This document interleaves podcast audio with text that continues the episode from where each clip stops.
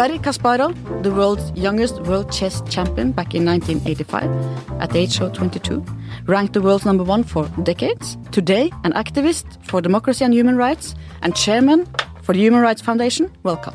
Thank you very much. Before we begin, our commercial. Jeg og kjæresten min vi hører på lydbok eh, når vi ligger i senga før vi skal sove. Det som er en fordel på appen, er jo at man kan sette på sovemodus. Ja, for jeg pleier jo alltid å sove med før deg. Det er veldig koselig å dele en bok på den måten. Ok, skal vi høre på en ny Erlend Lo. Ja, i furua. God natt, da. Med Storytel får du ubegrenset tilgang til tusenvis av lydbøker direkte fra mobilen din. Prøv Storytel gratis i 30 dager på storytel.no skartveit. Garry Kasparov, legendary chess player. But that's not why you are in Oslo right now. You are a human rights activist and a sharp critic of the Putin regime in Russia.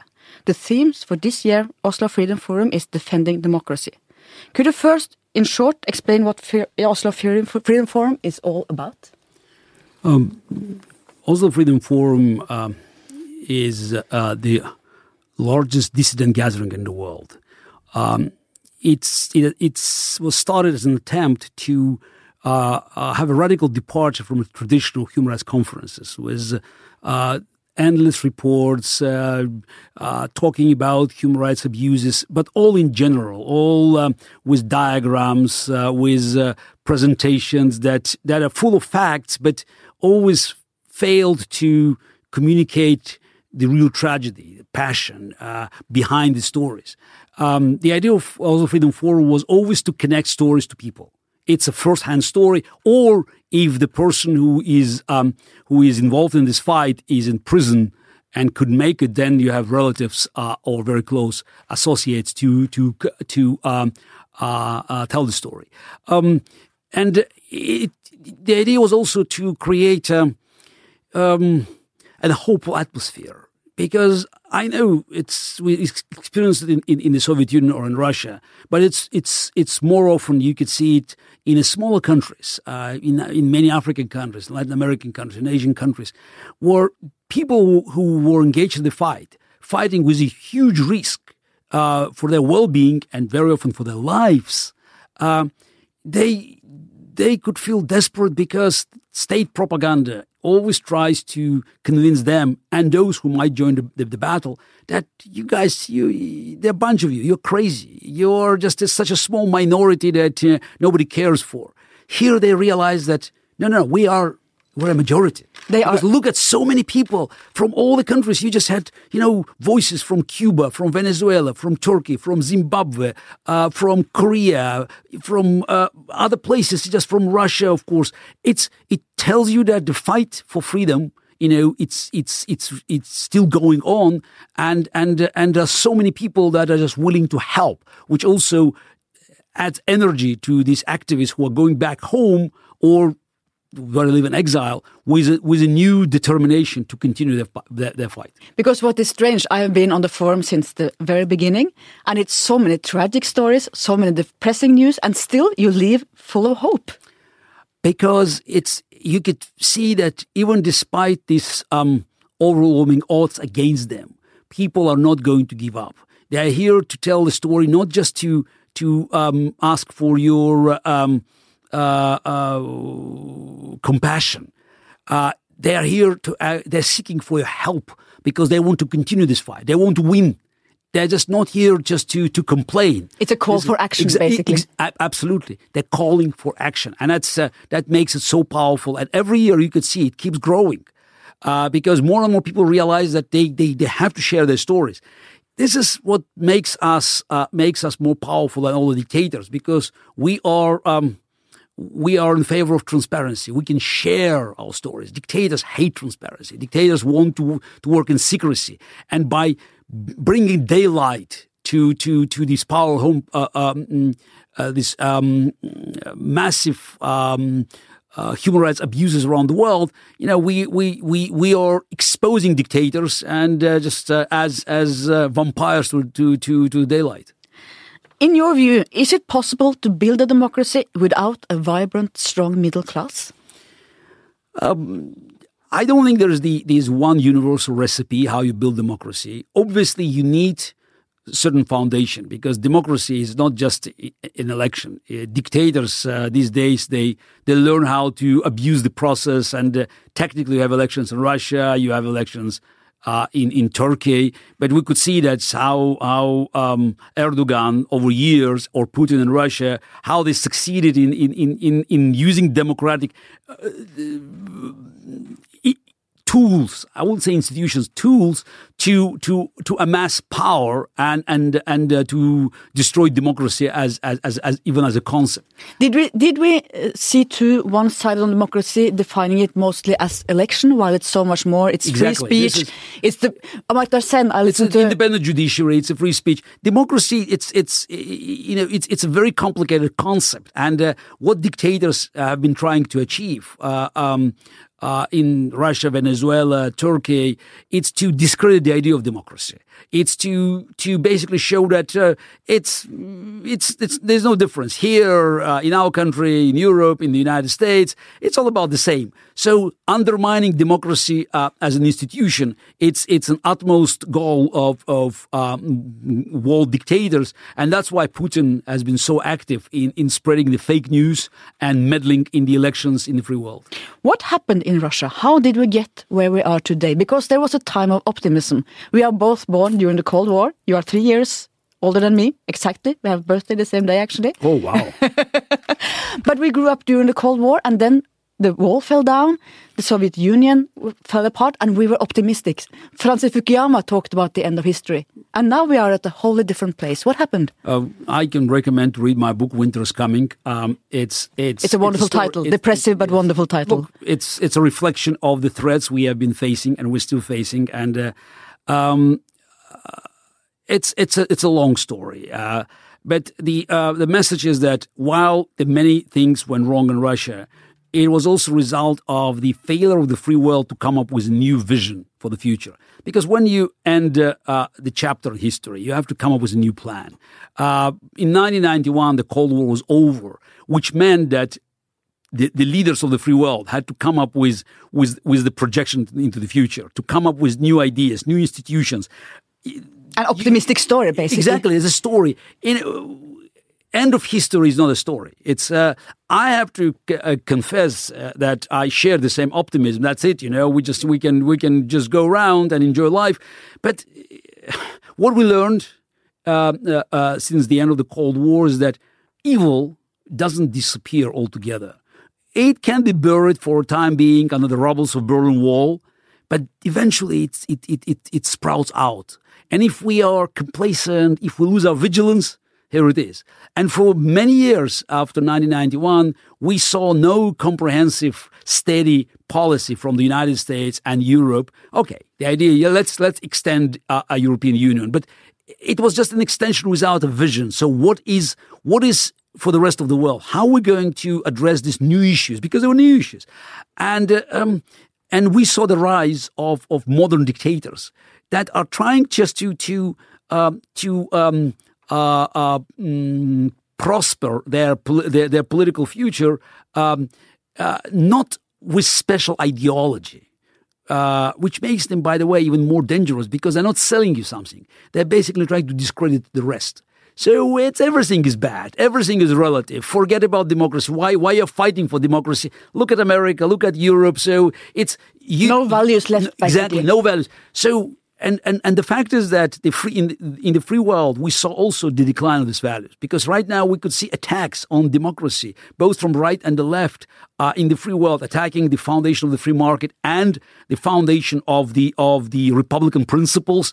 Um, in, in the in the world, in, in, in the United States, in the UK, in France, uh, in, in, in, in Germany. And it's just, it's, this is, has been used by, by Putin's and the like, and even they're trying to help to, um, um, to amplify this this this this this uh, this uh, trends to um, sell it back at at uh, um, at home um, as a demonstration that everything is relative and uh, fighting for values um, um, is is useless. I took a class at Johns Hopkins more than 10 years ago about civil society in post communist Russia. It was so depressing. And today, so many years later, it seems even worse. How would you describe the civil society of Russia as today? Oh, uh, look, um, I think we should, you know, we should uh, uh, be bold telling people that Russia today is a one-man dictatorship that openly embraces many elements of fascist ideology. People say, "Oh, how can you compare it to to to Russia to Nazi Germany?" Look, the Nazi Germany, uh, uh, it's not not just you know uh, a horrors of the World War II like Hitler from the history books, but it's also 1933, 34, 35, 36, 37, 38, even in 39. There were many voices saying, "Look, we should realize that you know there's some, some kind of uh, uh, problems that that Führer has to uh, resolve and and just give him time to to to deal with these problems." It's you should not give benefits of the doubt for, for, for a dictator. And uh, Putin's record is so outrageous that sooner we realize that it, it, it has to be dealt decisively, you know, high the price uh, we, we're going to pay. And civil society in Russia exists only in the forms that Kremlin wants it to exist. Any real protest, any real political activism has been suppressed. So people who marched with me in, in peaceful uh, uh, uh, rallies, uh, very peaceful. We never had uh, a single broken window. Set aside burned cars. It's very peaceful protest. The only violence in the streets of, of, of Moscow, St. Petersburg, or other Russian cities uh, was caused by riot police. these people are either in jail or in exile or worse, like Boris Nemtsov, uh, being being um, murdered uh, uh, just in, in, in, in, in Russia. He was a friend of yours oh, he's a more than a friend, you know, a colleague. Uh, uh, just I knew him for mm, two decades, and uh, and he was shot down just beside Kremlin. I mean, in the in heart the, of Moscow. Okay, 150 meters from Kremlin gates. So it's the uh, it's it's not just a murder; it's an execution. So just to show that uh, they could they could shut down uh, the fiercest critic of Kremlin uh, by the way, the man who many believe was Yeltsin's successor, the first deputy uh, prime minister of Russian Federation uh, in, in, in, in, in mid 90s, 96, 97, and, uh, and then eventually the man who joined, who joined opposition and, and uh, kept blasting Putin almost on a daily basis, exposing Putin's corruption and brutalities. Shooting him sent a message that we can go after anybody. And again, why Putin is so arrogant, why Putin is so um, aggressive, why Putin believes that he could go anywhere and just causes damage and, and, and spread death and destruction. Because there's so much vacuum has been created. This is somehow is, it's an answer to the question you asked a few minutes ago. So what's happened since 1991? Vacuum. Uh, the free world walked away, created vacuum. Yeah, that's my next question. Exactly. How would you describe the West reaction towards Putin after all the things that have happened? Look, His treatment of the opponents, the annexion of Crimea, the likely Russian meddling in the American presidential collection. Have we been too soft? But it's, it's a rhetorical question. It's a rhetorical question.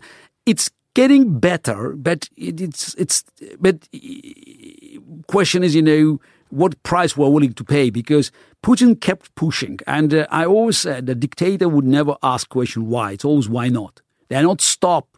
They're not go, they, they will not stop un, un, un, unless they stop. And the question about Putin's intention is not if he would attack. The question is when and where.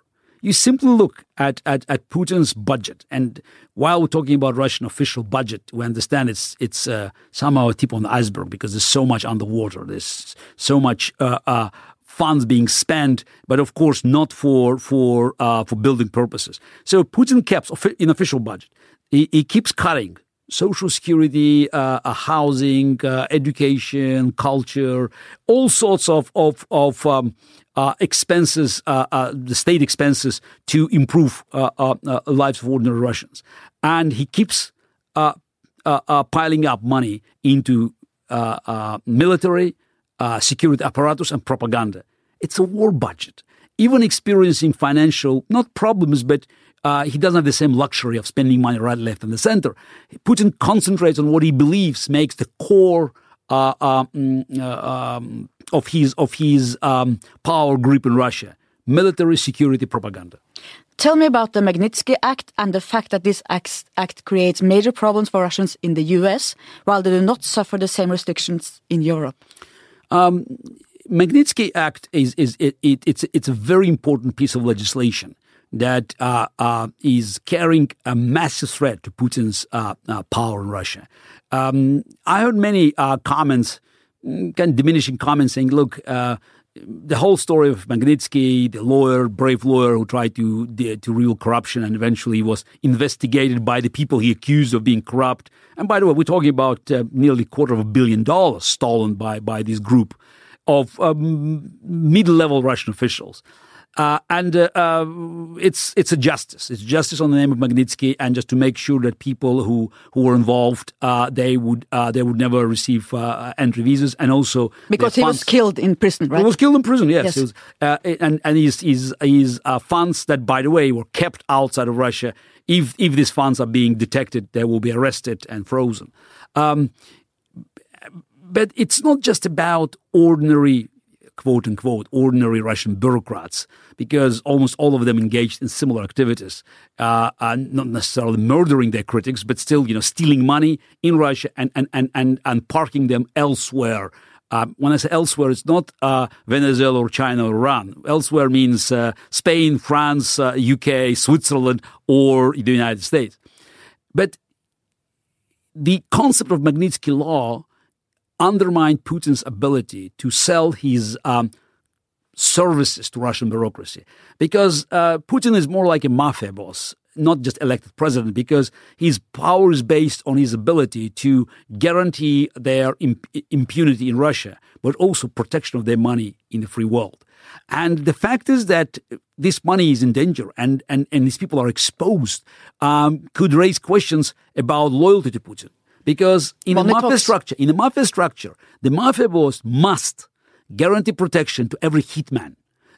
It's about rank and files. If you don't guarantee this protection, then the, the whole concept of uh, of loyalty in exchange for uh, for um, mm, uh, protection, uh, it's you know it's it's it's no longer it's no longer working. That's why Putin's um, mm, uh, um, government has been fighting fiercely against Magnitsky law, and that's why Putin's lobbyists have been trying to uh, to prevent it from being from being adopted. And uh, while America. Uh, uh, mm, um, adopted this law. And by the way, there was recently a case in, in New York when one of the Russian companies accused of, of money laundering agreed to pay $5.9 million to U.S. Treasury. It's, it's like a pretrial arrangement. Uh, that tells you that's how much money is involved. If they just before before before uh, um, the, the, case was moved to to, to to to the hearings, they were so afraid of the hearings they agreed uh, to the to um, mm, to the settlement. And U.S. U.S. Treasury reported that money that that was in question actually uh, was uh, parked in in in in uh, in um, U.S. in U.S. Uh, uh, in, in yeah yes yes absolutely um, and um, and in, it's in Canada now. Uh, United Kingdom is moving in this direction, but Europe is very slow. Europe is very slow, and I understand there's so much business.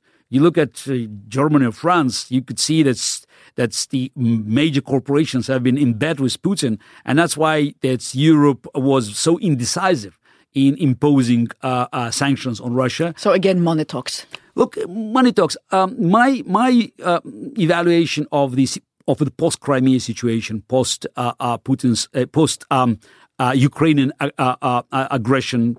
Um, that caused so many um, death and, and, and total destruction in, East, in, in, in eastern Ukraine was that it's um, much less than I wanted, but much more than I expected. So, and I, have to say that even much, eh, it's much more than Putin expected because he, he thought he could uh, he could get away with that, and now the sanctions just sanctions are biting. Uh, the whole story is spread by Putin's propaganda and Putin's agents and lobbyists in the West that oh, just it doesn't matter. It does matter. You look at the at the even official numbers by uh, the Russian statistics about the living standards. They all are steadily uh, dropping. And that is creating problem for Putin uh, because he can no longer rely on economy since oil prices are just not as high. By the way, people in this country also can feel it. Yes, uh, but it, for Putin, you know, it, it leaves him with very uh, little room for maneuver, and he keeps now taking money from ordinary Russians to feed his oligarchs because they need to be compensated for the for, for the sanctions that are just cutting their their incomes abroad. Let's talk about you. You are the combination of two minority that has been persecuted throughout history. Your mother was Armenian and your father was Jewish. Did your background affect you in any way as a child? I grew up in the Soviet Union in the city of Baku, which was a very multi-ethnic city. It's not like Yerevan, capital of Armenia, or Tbilisi, capital of Republic of Georgia, where you just had you know the dominant local culture assimilating others. Baku was Russian-speaking city, so that's why my native tongue is Russian, and uh, um, my I, I feel strongly about my heritage, Armenian or Jewish, but it, it didn't affect it didn't affect my uh, education as as um, uh, a Soviet champion uh, who grew up in in in in the Russian speaking. Uh, educational fra- uh, um, uh, framework. But how was the her heritage shaped into the way you are today and your worldview? Does it make Look, any no, difference? it, it no maybe just it's genetically it feels me strongly about about uh, prosecution of minorities, and I don't know. Probably it's it's it, it has something to do with with with with uh, with this heritage, but uh, it's also you know it's it's worth mentioning that.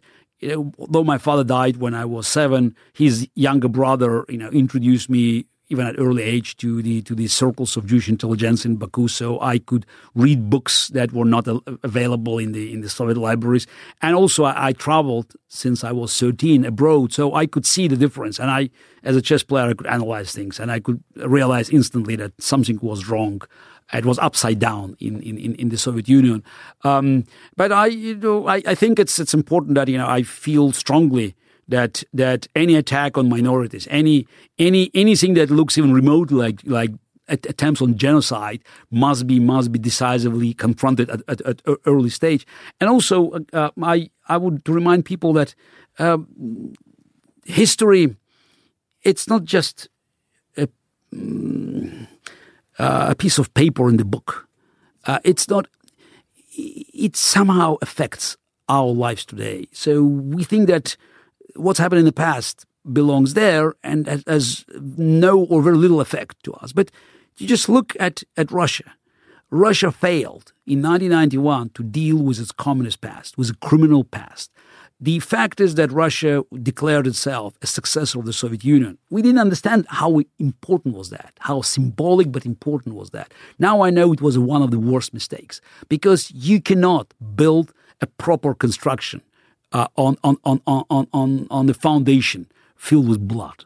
And uh, I believe that the future of Russia, uh, if there's any future of Russian state, it will be the future of the country that will uh, brush off uh, its Soviet past. It will condemn uh, uh, the crimes of Soviet regime.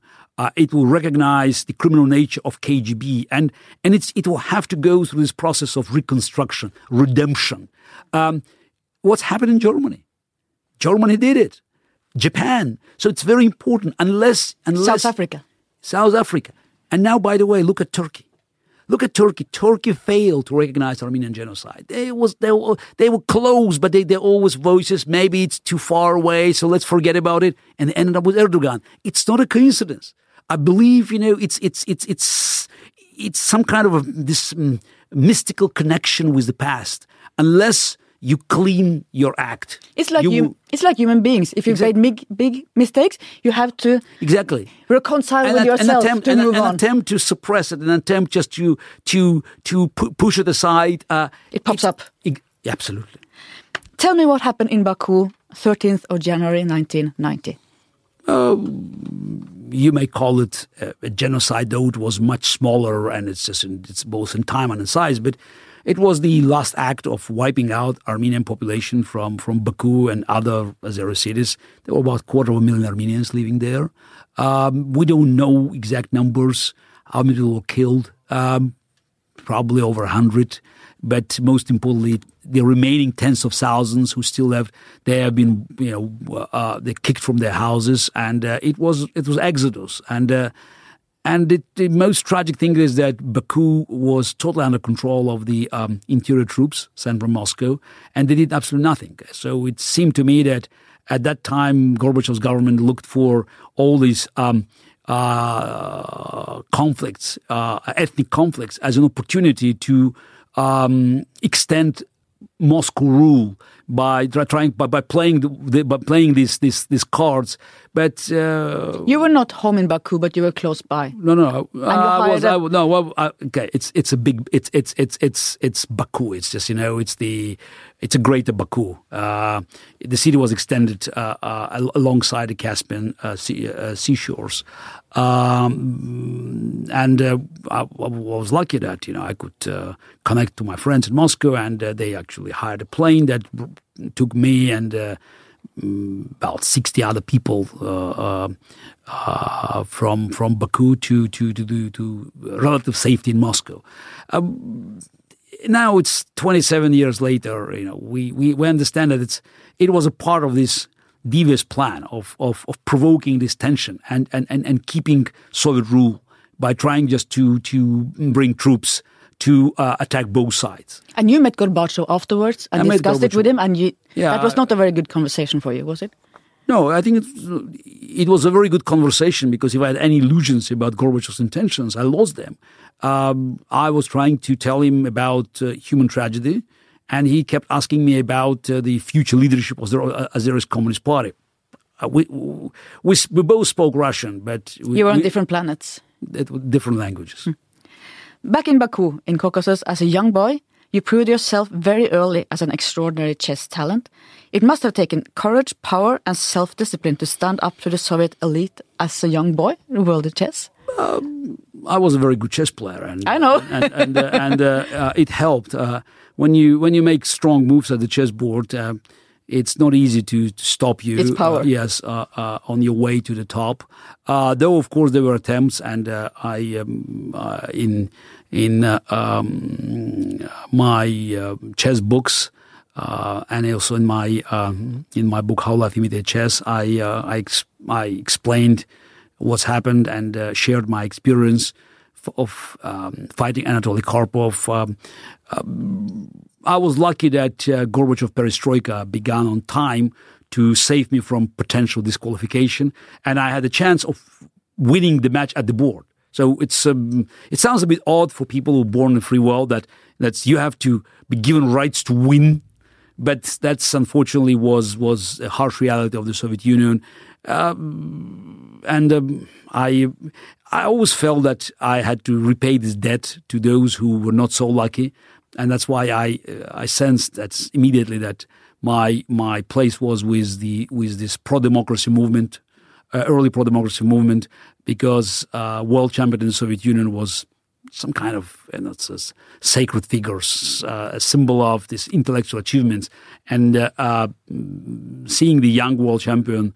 Uh, being among pro democracy leaders helped many people to make their to make the right choice. How was it to grow up as a star, a genius that so many people admired? You have said that the loss of your childhood was the price for becoming the youngest world champion in history. How would you describe the joys and the pressure during those young years? Look, if you uh, you, you, just said it, it's uh, to become a world champion at age 22, you have to uh, become a professional player 10 years earlier, and that means that you will concentrate uh, uh, extensively on your professional duties, studying and playing with with people who are much older than you you are, and uh, obviously you can um, uh, be very good in in in in, in uh, um, distributing your time, but still twenty four hours. So and it's and if you want to if you want to um, climb at this stair and just to become stronger and stronger and eventually to challenge the world champion, you have less and less time for, for things that just are normally available for other kids. So what did you miss? I, look, I don't know. I just I don't think it's just it's it's. I still had a lot of fun in my life, but but uh, maybe years that's that you you know you have no um, no concerns. So the, the years with no worries about the world. So because if if you play chess at the level I played since almost age ten, you have concerns. So not, not of course the, the all adult concerns uh, about how just to make living, but but still you know you are just you have to deal with real problems. It's all about you know winning and it's about getting better and it's uh, it's about self discipline. So it's uh, it's uh, learning uh, harsh lessons of life at very early age. Your mother was a promising chess player, but because of the war, she could not follow through the way you did. People who have met both of you say that the two of you are very much alike. How is she, and in what way do you see the similarities between the two of you? She's 80. She unfortunately now she lives in Moscow. I live in New York, so it's hard for her to um, uh, to to travel that far. So we, we meet regularly in Europe, in, in Estonia or in Croatia. Um, actually, I had my 50th anniversary uh, here in Oslo in just 2013. Um, I already left Russia in February 2013. Uh, and uh, um, she spent her entire life, you know, uh, since my father died. So just for me, just working for for my success. For for it's just her life was totally dedicated to to not just to my success, but just to to my well being. And uh, um, we speak every day at least once, maybe many times. Uh, the rule is that uh, when, when I when I when my plane take, takes off or, la- or, or or is landing, I must call her. So she's just she Oh, she has to she has she has to she has to know about all my movements, about what's happening in my life. So and I feel it's my duty to inform her uh, regularly and uh, still searching. Ser- uh, mm, Seeking her advice, uh, though it's again, this is Moscow is Moscow now. My life is elsewhere, uh, and um, she's there. She's I know that's it's it's hard that she's far away, but she's surrounded by relatives and friends. She has two sisters and nieces and nephews. Uh, so it's a it's an extended family. Uh, most of us came from Baku, um, and um, okay, hopefully the things will change and I'll be able to travel back. Because you now live in exile, what would happen if you went back to Russia now? I don't want to find out. Uh, No. Most likely it will be one way ticket, and I don't want to make uh, this present to Vladimir Putin. We have seen opposition politicians and activists being killed, both inside Russia and in other countries. Are you afraid? Uh, would it help? No. That's that's that's simple simple answer. So how do you deal with fear or with anxiety? Look, or- I I don't trust people who say that they're fearless.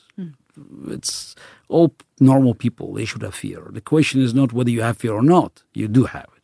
The question is how you can deal with that. I try to minimize risk, though it's it sounds a bit odd uh, because I don't have security. Um, if you if you want to look at the at the bright side, so I always make a joke that my life is so hectic that it's very hard to follow me. So, yes, uh, and uh, I live in America, so it's it's more difficult for, for bad guys to, to, to follow you there. Though I understand, you know, it's it's no one no one is safe if you have Vladimir Putin as your enemy. But uh, I do what I have to do. So it's this is this is one of the classical mottos of Soviet dissidents: do what you must, and so be it. We have this debate about fake news. Many speakers at the forum pointed out another major problem in their societies no news. The population only gets so called happy news about nothing and nothing about what is really going on. How do you see the future of journalism and the free press worldwide? No, um, I have to say that no news and fake news they are kind of uh, connected. It's uh, relatives, close relatives, cousins, first cousins, if not brothers and sisters, because those are both are the ways to to um, um, brainwash people, to force them follow um, uh, trusted sources that are under control of the government or other institutions that want to to to uh, uh, promote their agenda. Uh, with no news, people are just forced to to get stuck with uh, um, with official channels. With fake news, with myriads of news, with abundance of news, uh, people are just getting scared of, of, of so many sources and then they don't want to verify it. So they eventually end up listening to one or two trusted channels. And that's exactly the point. And also, fake news destroys the critical thinking. This is one of the very important element of the agenda, and that's we should you know we should give Putin credit for weaponizing the fake news, using the tools of the free world, technologies invented uh, by free people to undermine the very freedom. It's very scary. I must say, as an editor, I think it's very, very It is scary. scary. I, I, I'm in, this year. I'm working with um, with Avast Security, so as, as, as um, uh, and a part of our, our cooperation. I'm writing um, regular blogs uh, on on their website. Also, it's you can find it on my Twitter or, or Facebook or my on Kasparov.com.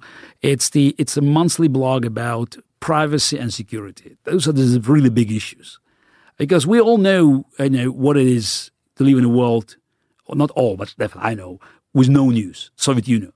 But I think that the real danger in the future is is it's fake news. It's it's it's it's an attempt, very often very successful attempt, to undermine our ability to to to to to uh, to be critical, to exhaust our critical thinking, to make us to make us scared of the of this ocean of of of um, mm, uh, news floating around. So and and just to to make sure that we take everything as relative. So going back to what we discussed a few minutes ago, it's this this is the dream of a dictator. Ah, everything is relative. you Yes, know. nothing is right, Of course, we're bad, wrong. but they're all, they're also bad. You seem to hang around mostly with conservatives, with the Republican more than Democratic Party in the US, with conservative think tanks and so on. Do you consider yourself a conservative? Look, uh, it's uh, uh, I'm defending certain principles, and uh, uh, it's quite amazing that you are saying it today when I'm, you know, a welcome guest in MSNBC and CNN, and very, very rarely can be seen on Fox.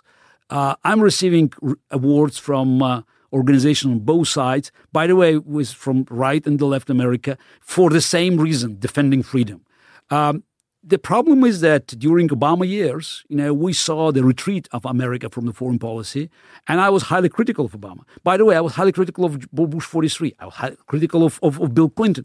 I'm criticizing policies. So uh, I'm uh, in my book, Winter is Coming. I was praising Harry Truman, JFK to Democrats, and Ronald Reagan, the Republican. And it's it's an amazing that it's as people just look at the your recent. Uh, uh, publications, your recent um, I asked you. I didn't say you were a conservative.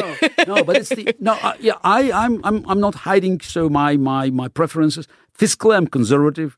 I believe, you know, in in in in in in, uh, in American role, the role of the free world in defending democracy globally. But I'm socially very liberal.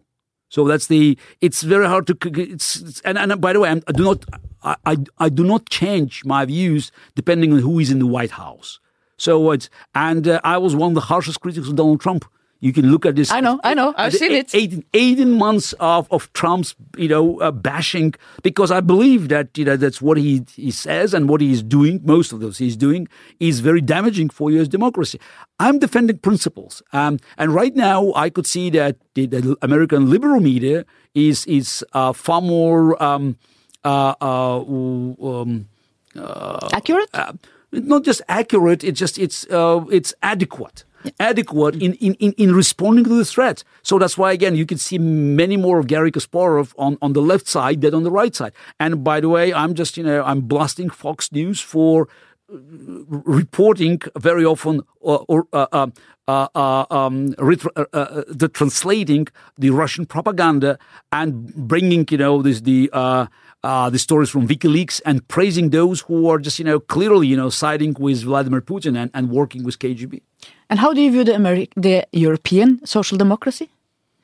Look again, it's it's the the the, the, the social democrats. They're, they're so different now. You have you have uh, let's talk about the uh, let's say Germany. You have uh, Gerhard Schroeder, just a Putin's business partner. You have a Steinmeier, Putin apologist. You have Martin Schulz. He's just you know European bureaucrat, but he's, he has nothing to do with Vladimir Putin. So it's the same party.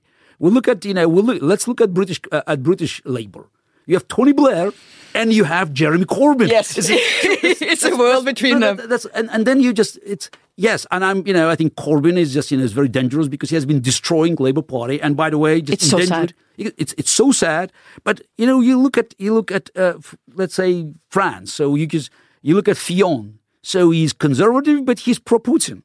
And it's and it's amazing that, for instance, it's in the last elections in France. You know, everyone talked about Marine Le Pen, but very few people just paid attention that Mélenchon almost had the same result. It's a far left.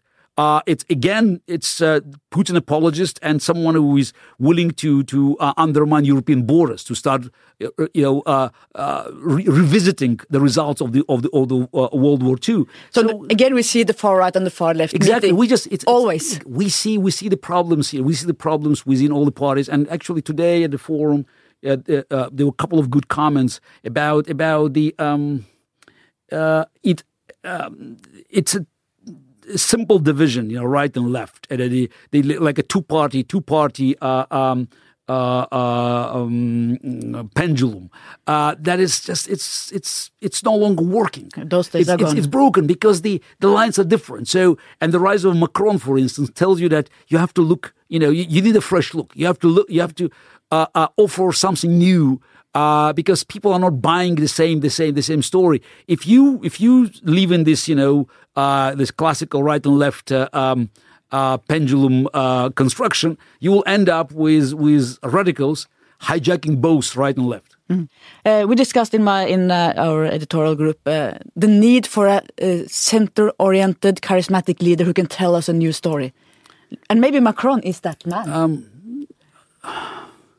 let's hope but it's I, I i think it's it's not it's not simple. It's not about one person rising uh, unless there is a public demand.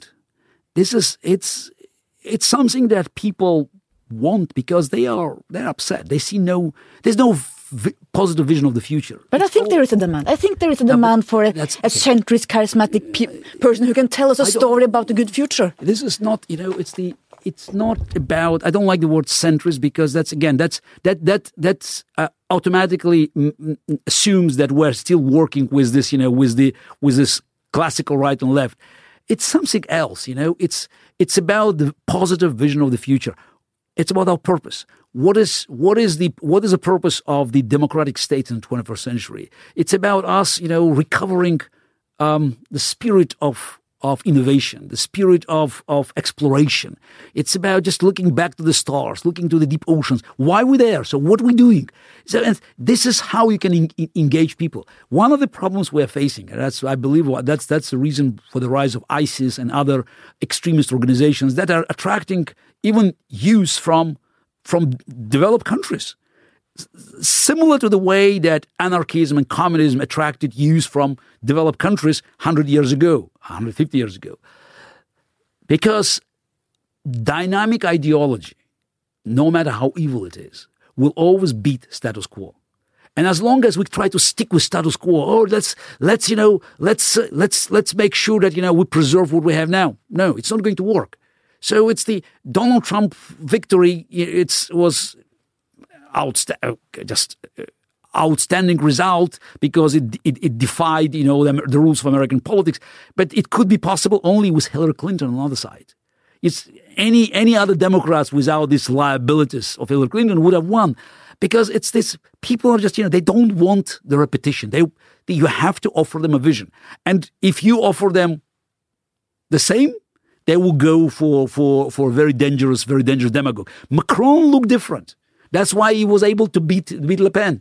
He was It something else. Exactly, he was something else. It's a people always, and but it's not about an individual. It's about a vision, and it's very important that the free world now will you know will just walk away from the from the complacency, from uh, from lack of passion. So we have to we have to get our act together.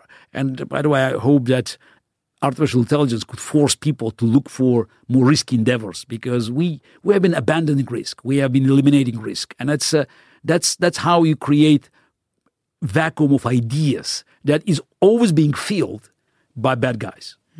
I wish we could talk more about, more about artificial intelligence. You don't have the time. I can't let you out there without asking you one question about Magnus Carlsen, the Norwegian chess player and world champion who you worked closely with for many years. Did you see something of yourself in Magnus? If so, what did you see? I uh, I saw since I met him first time, uh, 2004. I saw an immediate, immediately a huge talent. So that's the that's that's a similarity. Uh, talent of the world champions caliber, and um, I was happy to accept their invitation. Uh, since I was retired already in 2009, we worked for more than a year, and uh, I believe I made a substantial contribution to his rise. I think he um, he's he's been a great asset for the game of chess. Uh, he has been promoting the game and uh, and he's rise to the top and he's uh, he's um, world championship tenure, uh, uh, serving the game well. Um, look, to be the world champion and to uh, be the highest rated player, that's that tells everything about uh, about your chess talent. And uh, uh, regarding our style, it was a good cooper, good cooperation because we had we had very different style. Magnus was more like Karpov style, uh, more positional style, not as sharp, not as as as dynamic. Uh, though he was um, he was he was um, learning very quickly, and that's helped him because it's always nice when you can learn from from uh, another great player something that it's not natural for you. So it's the The contrast. uh, yeah, exactly the, the contrast. So and uh, I enjoyed immensely this the year working with him. It was a long time ago. I I I, I just saw it as the the, the, new new megastar uh, rising and. Uh, and I just hope that uh, uh, you know he'll continue his um, his uh, um, great chess career. Though it's it's challenging, and it's uh, and you, you can see now that as you already have uh, some younger players, like for instance uh, potentially Caruana or So from the United States, uh, uh, being uh, uh, potential challengers in the next cycle. But so far, I still think that if Magnus plays with his full capacity, he has a uh, few more titles to win. Finally, my regular questions for all my guests. What will be the story about you? Garry Kasparov, he was the one who. Look, I know that the story about myself will be written by other people. If uh, if people think that I was worthy of, of being remembered, they'll, they'll find the right words. okay. Thank you so much for coming. Thank you. Thank you for listening. Thank you to researcher Grete Ruud and to producer Magne Antonsen. We will meet again next week.